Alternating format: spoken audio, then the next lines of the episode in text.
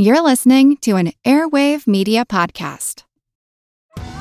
Survivor 46 is here, and so is On Fire, the only official Survivor podcast. And we have a twist this season.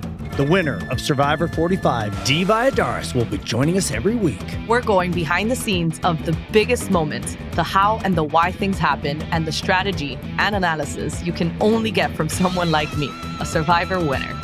Listen to On Fire, the official Survivor podcast, wherever you get your podcast. It's only a kick, a jump, a block. It's only a serve. It's only a tackle, a run. It's only for the fans. After all, it's only pressure.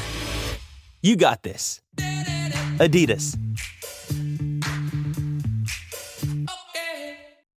This is Kick Ass Politics. I'm Ben Mathis.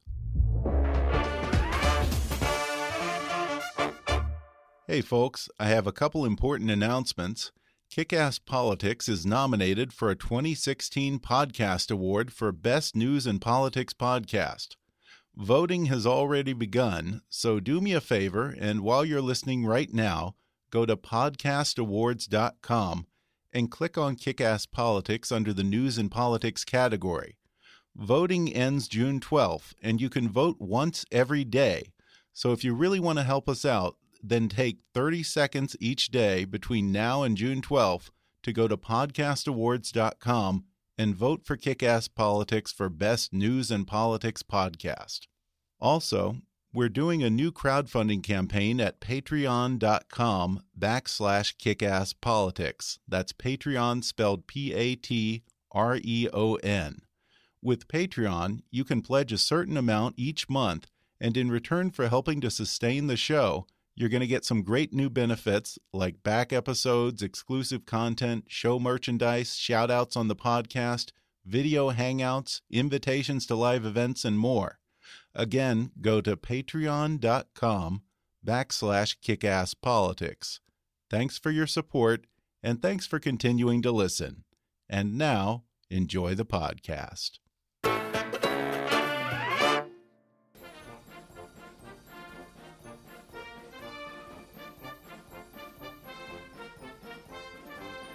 My guest today is a rising star in the Republican Party and he's the governor of my home state, the great state of Texas. His is a remarkable story of overcoming adversity. Shortly after graduating from law school at the age of only 26, Greg Abbott was paralyzed in a freak accident that has left him in a wheelchair ever since. But as he says, our lives are not defined by our challenges, but by how we respond to them. He proved that by quickly rising to become one of the youngest justices ever to sit on the Texas Supreme Court, then the longest serving Attorney General in Texas history, and today he's governor of the state which boasts the second largest GDP in America. As Attorney General, he personally appeared before the U.S. Supreme Court to defend the Ten Commandments monument on the Texas Capitol grounds, and you know what? He won. In fact, Greg Abbott waged a record number of legal challenges against the federal government, including battles to defend the Second Amendment, the Tenth Amendment, and religious liberty. He says these experiences have opened his eyes to the fact that the federal government has strayed far from the Founding Fathers' vision of America. So far that he's now proposing a bold plan for Americans to take back power from Washington and restore adherence to the Constitution. He'll explain his plan today, plus, he'll talk about his inspiring personal story, how being wheelchair bound may have helped him win one of his first cases, his thoughts on the Americans with Disabilities Act, his 31 lawsuits against the Obama administration, including challenges to Obamacare and Barack Obama's executive order granting amnesty to illegals, and he'll also give his tips on where to go for the best barbecue and Tex Mex next time you're in the Lone Star State. Coming up with Texas Governor Greg Abbott in just a moment.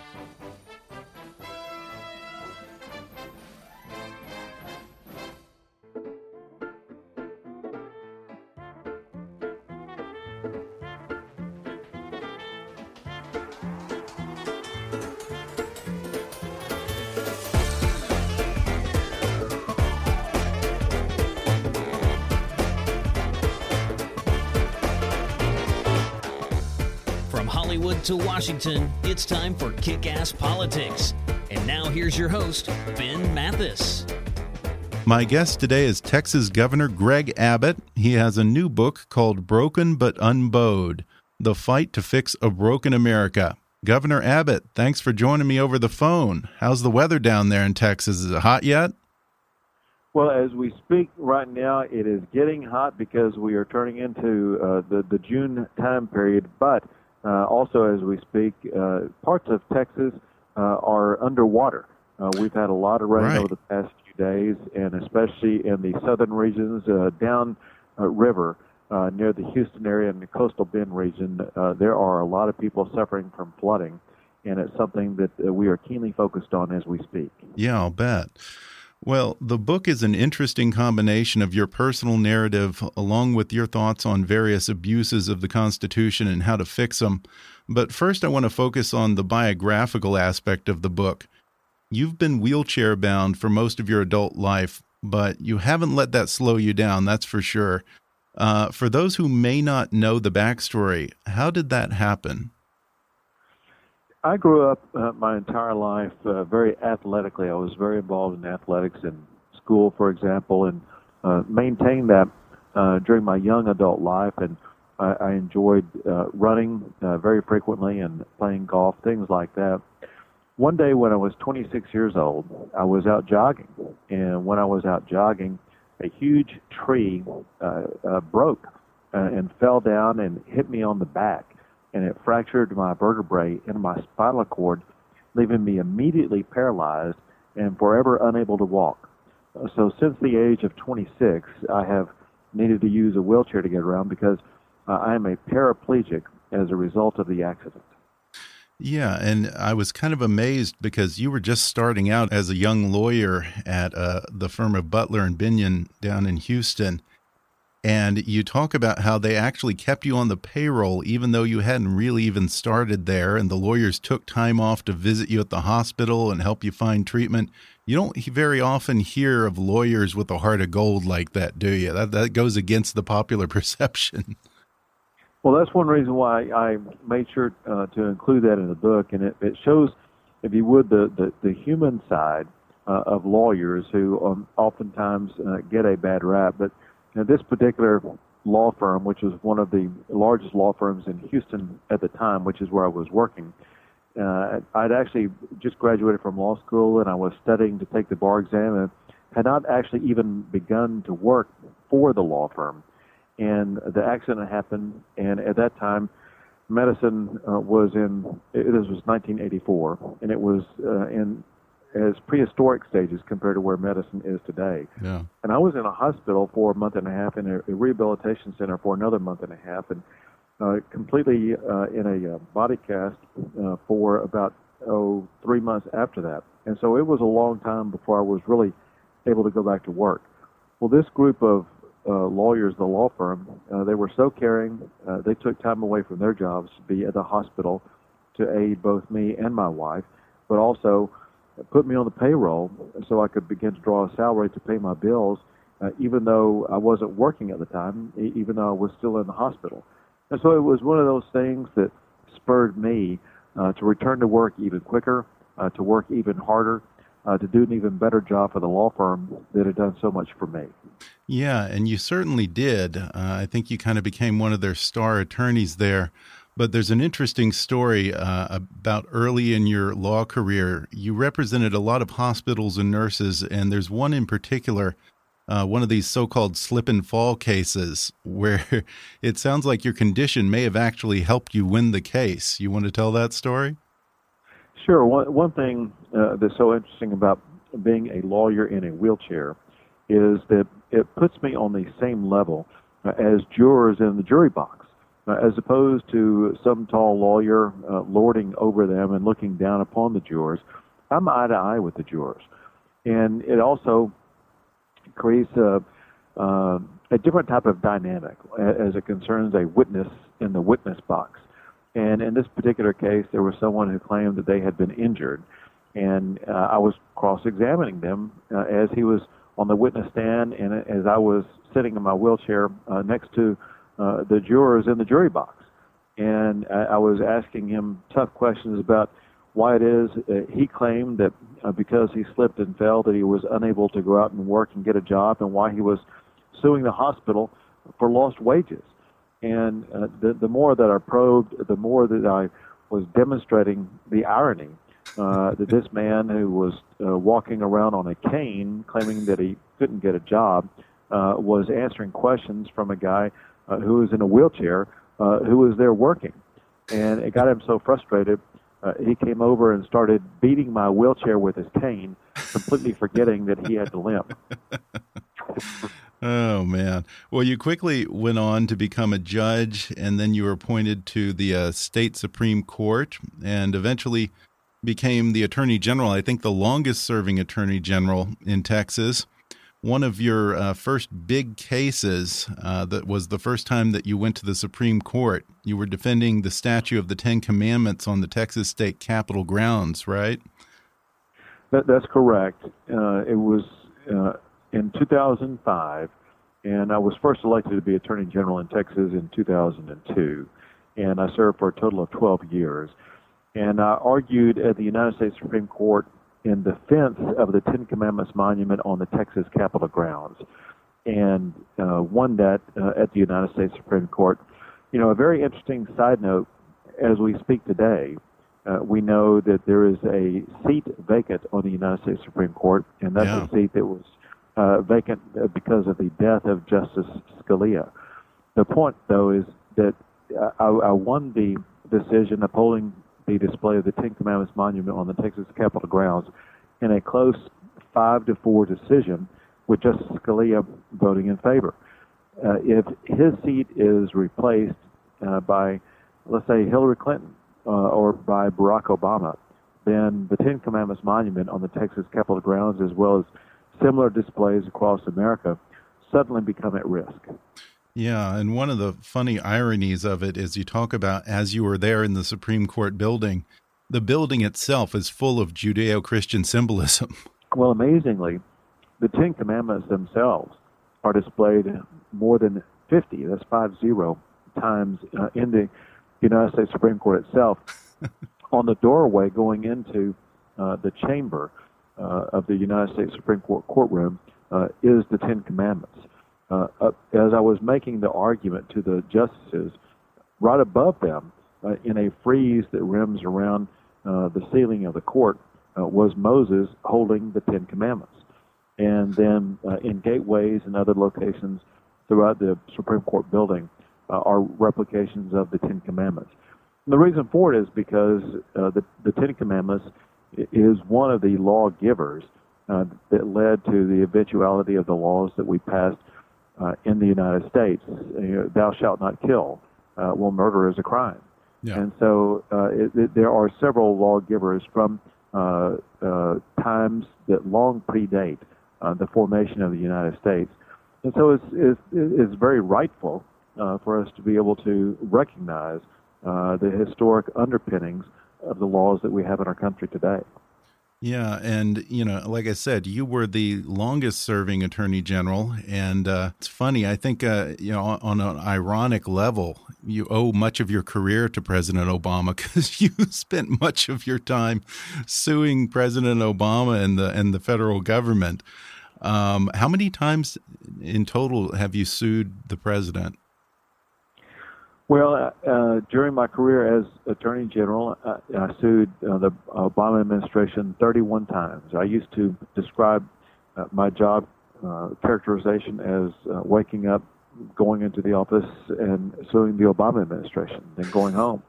uh, but remember this I didn't file those lawsuits just uh, out of whim or uh, Right. to attack the administration. Uh, those lawsuits were necessary uh, because of the repeated uh, violation of the United States Constitution by the Obama administration. Someone had uh, to hold the administration accountable. Someone had to hold them in check, and it, it was up to the states, and it was up to me uh, to make sure that we got that done. But I was proud to be joined in many of those lawsuits uh, by fellow attorneys general from across the country. Yeah, and probably the biggest one of those was when you and a number of those other attorneys general challenged Obamacare at the Supreme Court. You say you thought you were winning up until the very end, and then Justice Roberts dropped a bombshell on you. In the same decision, he said Obamacare was not a tax, and then he said it was a tax. Can you explain how the heck that works? Sure, and it's, it's bizarre. Uh, first, uh, as I describe in the book and what you're talking about, uh, I was sitting in the courtroom at the time the decision was announced in the Obamacare case, uh, just as I had said in the courtroom during the oral arguments and had been uh, involved in the court throughout the entire process. And uh, remember the way that the uh, media and the Obama administration and, and uh, the legal pundits from law schools uh, and commentators across the country had uh, chastised and ridiculed uh, the states for bringing this lawsuit, saying that it never had a chance and it was nothing more than political posturing. Uh, but they were uh, fairly muted uh, after it turned out that we had won not only at the trial court but at the Court of Appeals. And then after the oral argument, it was clear uh, that the Obamacare law was hanging by a very thin thread.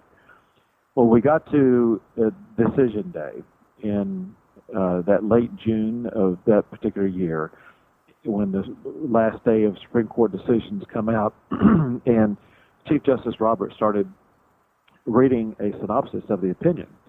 And the first part of the opinion is uh, really the first issue that comes about in every single case, and that is whether or not there is jurisdiction uh, for the parties to even be able to maintain standing in a particular case.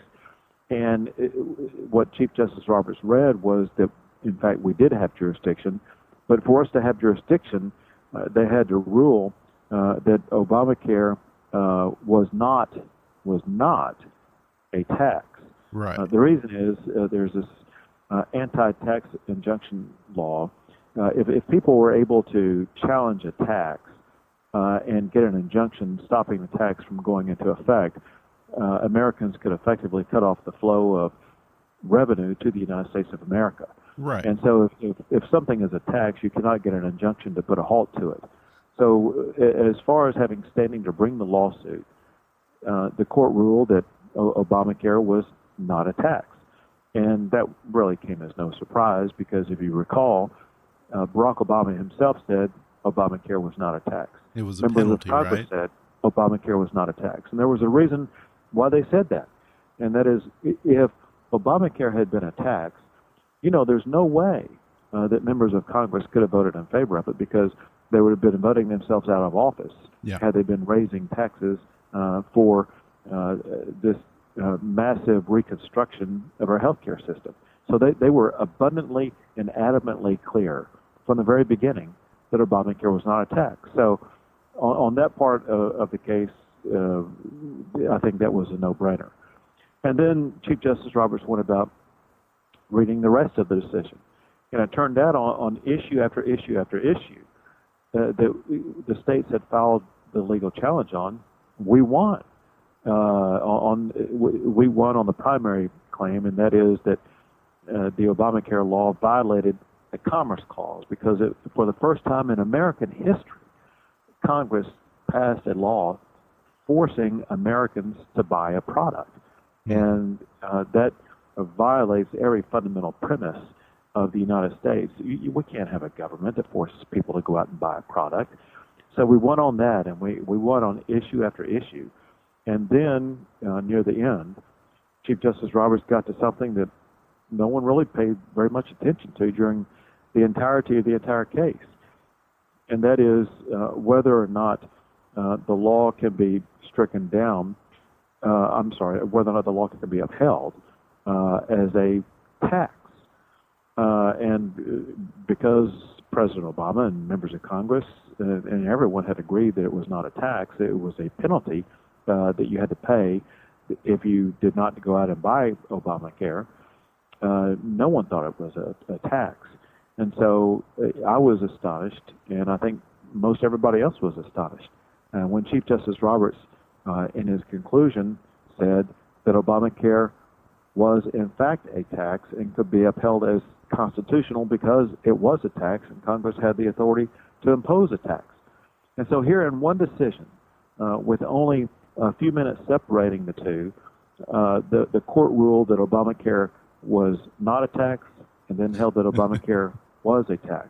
And so, if, if people are frustrated with our courts, uh, that is a, a, crystal clear example why of how they will talk out of both sides of their mouth uh, in just a few minutes apart and just a few pages apart in a single decision. We're going to take a quick break, and then I'll be back for more with Texas Governor Greg Abbott.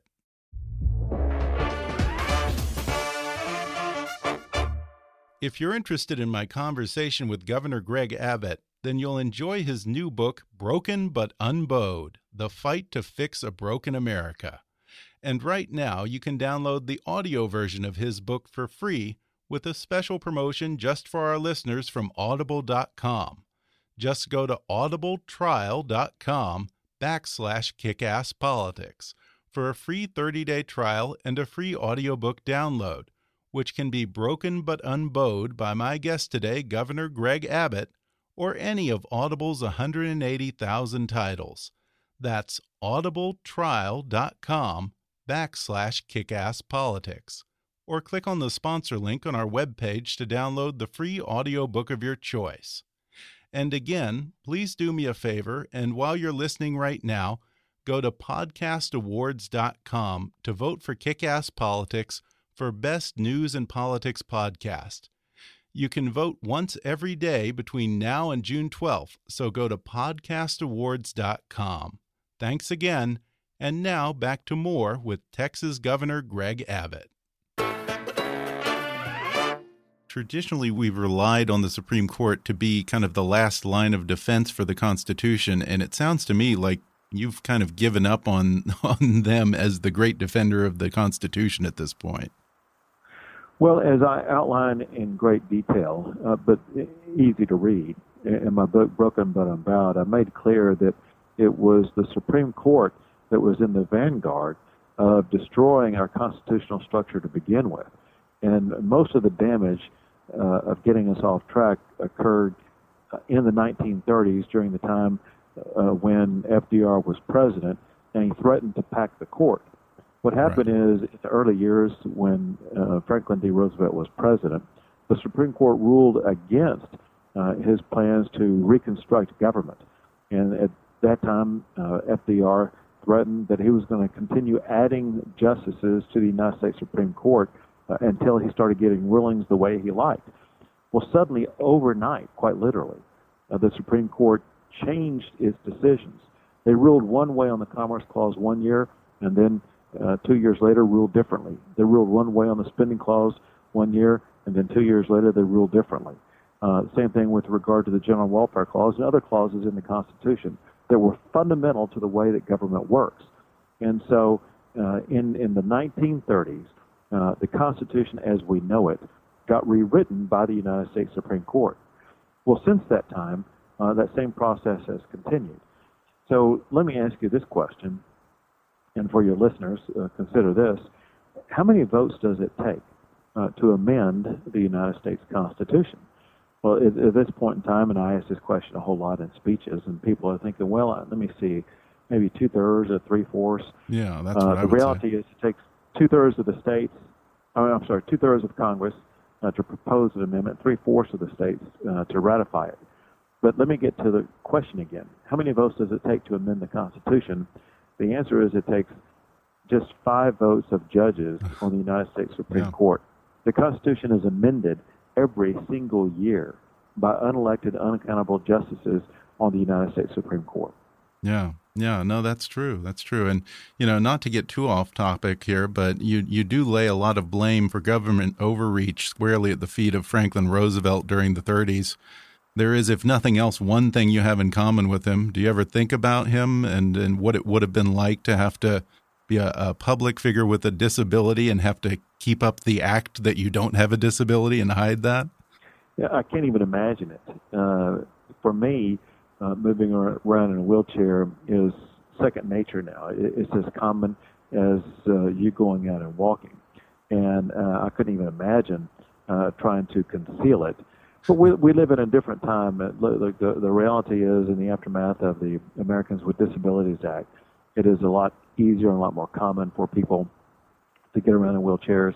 Uh, second, uh, with regard to advancements in medicine, it's a whole lot easier for people Oh, to uh, live uh, a full life, Yeah. uh, even though they may have a uh, an injury that left them uh, uh, to be a paraplegic.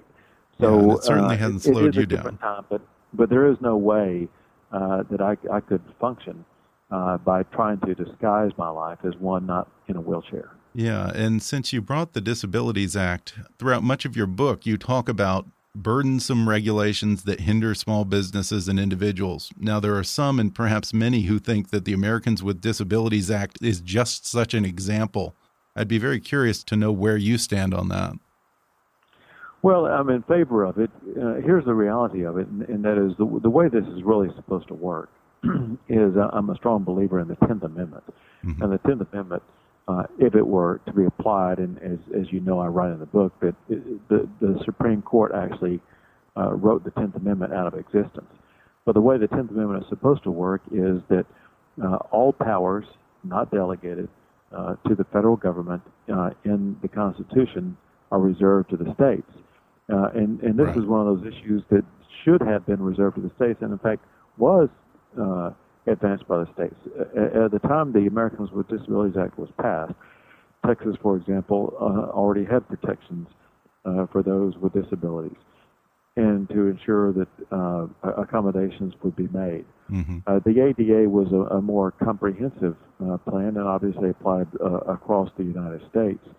Uh, but but it, it applies in several ways. There, there are public accommodations, uh, and then there are the obligations on uh, on private businesses. Yeah. Uh, but uh, looking back, by and large, it, it, it seems as though uh, the, the system is one that, that's been uh, fairly well assimilated, uh, and is it seems to be working fairly well across the country. Yeah, and the 10th Amendment, as you said, was intended to limit federal government, not give it unlimited lists of powers. You have one easy solution to fixing the 10th Amendment. You want to add one word to the 10th Amendment. What word is that? expressly. That one word, expressly. Uh, because here's the deal. What what? uh, fir- first, let me give you the quick background and tell you what needs to be done. Uh, in 1985, as I point out in the book, the Supreme Court, in a decision, said the Tenth Amendment was too complicated for them to apply it, uh, and uh, going forward, uh, states would have to rely upon their federally elected representatives and senators uh, to represent state interests, which turns the Tenth Amendment on its head, where states are supposed to be uh, have independent authority uh, to be protected against federal overreach. Right. Uh, and so, uh, all I, all I really want to do uh, is is not change the Constitution, but to reaffirm what the Constitution really intended. And so, uh, to emphasize uh, that we really mean it this time, and the Tenth Amendment really does have to be applied, is, is to say uh, all powers not this is the new word expressly uh, delegated uh, to the federal government in the Constitution are reserved to the states or to the people. Now, there's there's one other thing that I'm asking for for modification to the Tenth Amendment, and that is to equally make clear that states have jurisdiction and standing uh, to sue the federal government to enforce the Tenth Amendment, because as I point out in the book, uh, Texas uh, brought a challenge to the federal government in a state called Texas versus the United States, where we tried to recover more than a billion dollars uh, in Texas taxpayer money uh, that was spent Wow. for health care, education, uh, and law enforcement purposes to deal uh, with the results of the broken uh, immigration system and, and the uh, federal government's failure uh, to do its duty under the immigration laws. And, and uh, we were tossed out of court uh, in part based on uh, the court tossing out our 10th Amendment argument, which goes to show that the 10th Amendment has no teeth uh, unless states are giving specific authority to sue the federal government for violations uh, of the Constitution. Yeah, and what you've proposed to give it some teeth is uh, what some perceive as a fairly radical idea. You have proposed that under Article 5 of the Constitution, the states call a constitutional convention. What would that entail? Uh, a couple of things, real quick, uh, for uh, just definition type purposes. Uh, we are not calling for a constitutional convention. Okay. A constitutional convention would be a convention where there would be a consideration of writing a new constitution or rewriting the constitution. Okay. And and, and that's so not. what would we call this then? Uh, it's it's called and it's, it's, it's, it's listed this way under Article Five. It's called a convention of states. Okay. And this also addresses the issue of of of the word that you raised that some people also consider it, and that is this radical idea.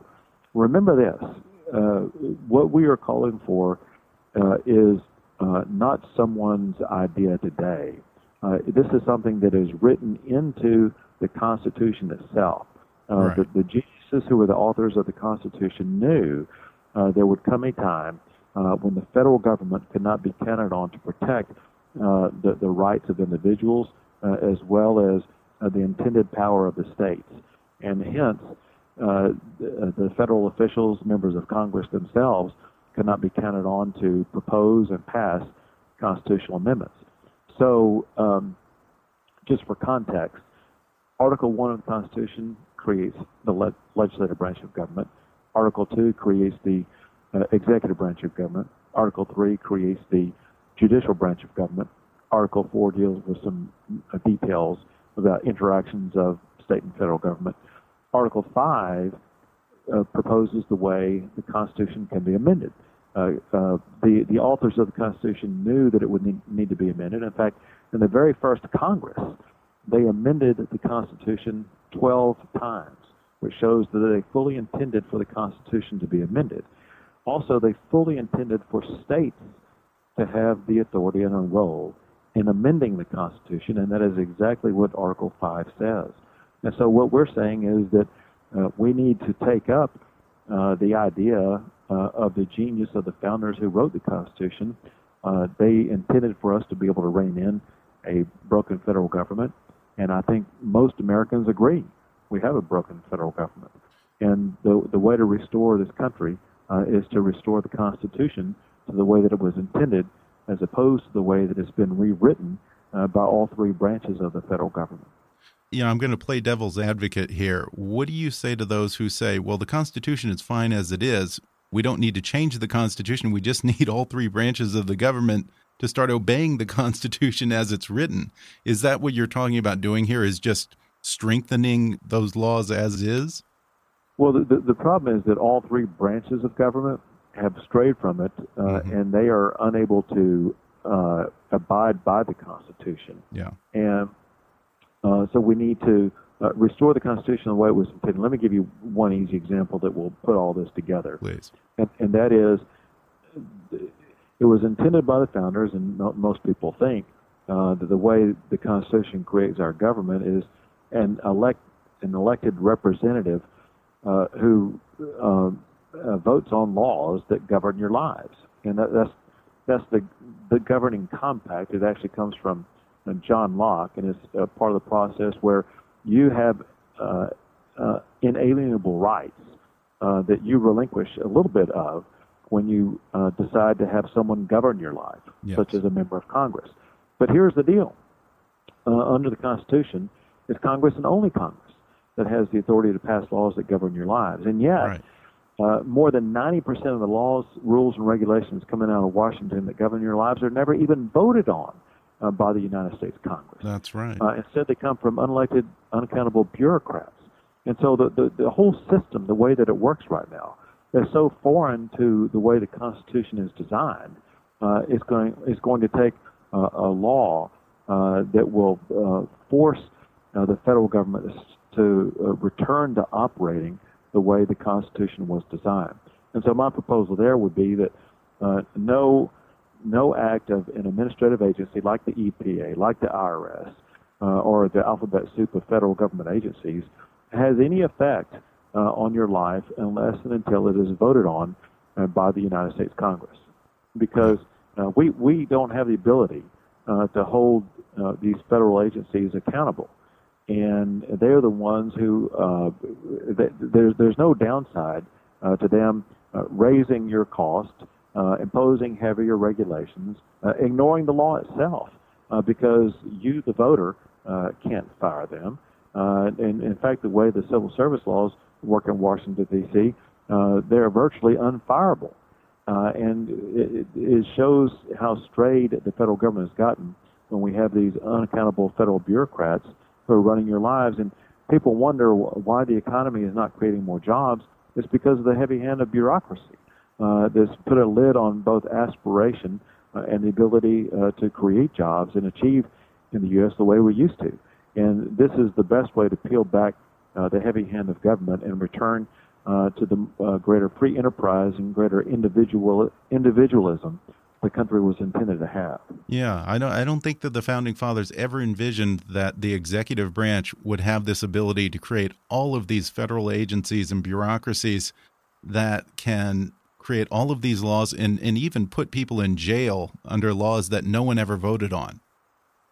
Well, and to be quite specific about it, uh, they did debate this uh, during the Constitutional Convention, uh, and they wrote about it in the Federalist Papers, both Alexander Hamilton and James Madison.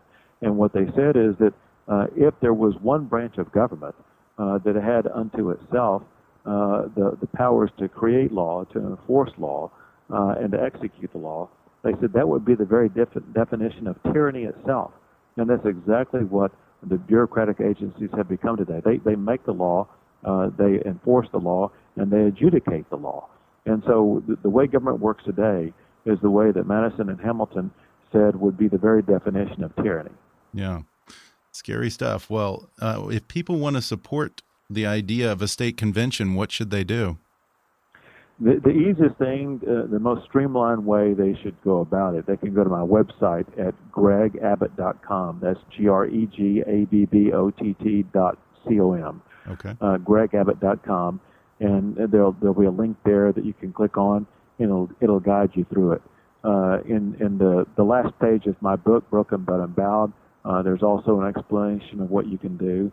Okay. Uh, but the, in the, the, the, the, the shortcut of it is uh, for if, if you believe that it's time uh, to return to the first three words of the United States Constitution, which is we the people, uh, as opposed to all these uh, federal bureaucracies running your lives, uh, then you need to contact your state representative or state senator, not a member of Congress, has to be a, state okay. representative or a state senator. Okay. They are the ones who are specifically authorized by the Constitution to call for a convention of states.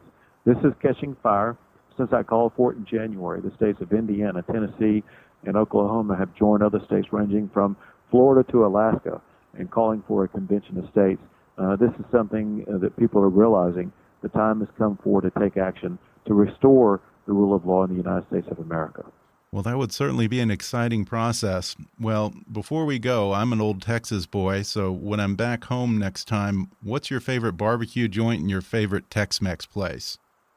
Well, uh, Franklin's in Austin, Texas, really has the best barbecue. Of course. Uh, there, there's uh, be, beginning at about eight o'clock in the morning, a line forms uh, where they don't uh, begin serving until lunchtime. Uh, people love it so much. Uh, it, it is very, very good barbecue. Uh, on on Tex Mex. Do you get through the uh, line faster if you're in a wheelchair? Uh, no, there, no there, exceptions. There, okay. no, no, uh, no exceptions. How about Tex-Mex? Tex-Mex. there's so many good ones yeah. in Texas and, and in Austin. I'll just throw out Guero's, which is very good. But there's you, you really can't go wrong if you're in Texas, if you're in Austin for Tex-Mex. That's for sure. Well, the book is called Broken but Unbowed The Fight to Fix a Broken America. Governor Greg Abbott, thanks for joining me on the phone here. And uh, you just keep rolling on, man. All right. We'll do it. Thank you so much. All right. Thanks a lot, Governor. Thanks again to Governor Greg Abbott for coming on the show. And if you enjoyed today's episode, I'd encourage you to read his book, Broken but Unbowed the Fight to Fix a Broken America. I'll include an Amazon link where you can order it in the show notes for this episode and on our website at kickasspolitics.com. Or if you'd prefer to listen to the audio version, you can download that for free through that special trial offer just for our listeners at audibletrial.com backslash kickasspolitics. You can keep up with Governor Abbott at gregabbott.com. That's Abbott with two B's and two T's. And you can also follow him on Twitter at, at Greg Abbott underscore TX. Again, don't forget to vote for Kickass Politics for Best News and Politics podcast at podcastawards.com. You can vote again every day between now and June 12th. So again, go to podcastawards.com and vote for Kickass Politics in the category of Best News and Politics podcast. Please subscribe to Kickass Politics on iTunes and leave us a review while you're there. And you can also help us reach our fundraising goal for the year and get rewarded by donating to our Patreon campaign at patreon.com backslash kickasspolitics. Follow us on Twitter at, at KAPolitics or visit Kickass Politics on Facebook. And while you're there, recommend Kickass Politics to your friends on your social media. And as always, I welcome your comments, questions, and suggestions at comments at kickasspolitics.com. But for now, I'm Ben Mathis, and thanks for listening to Kickass Politics.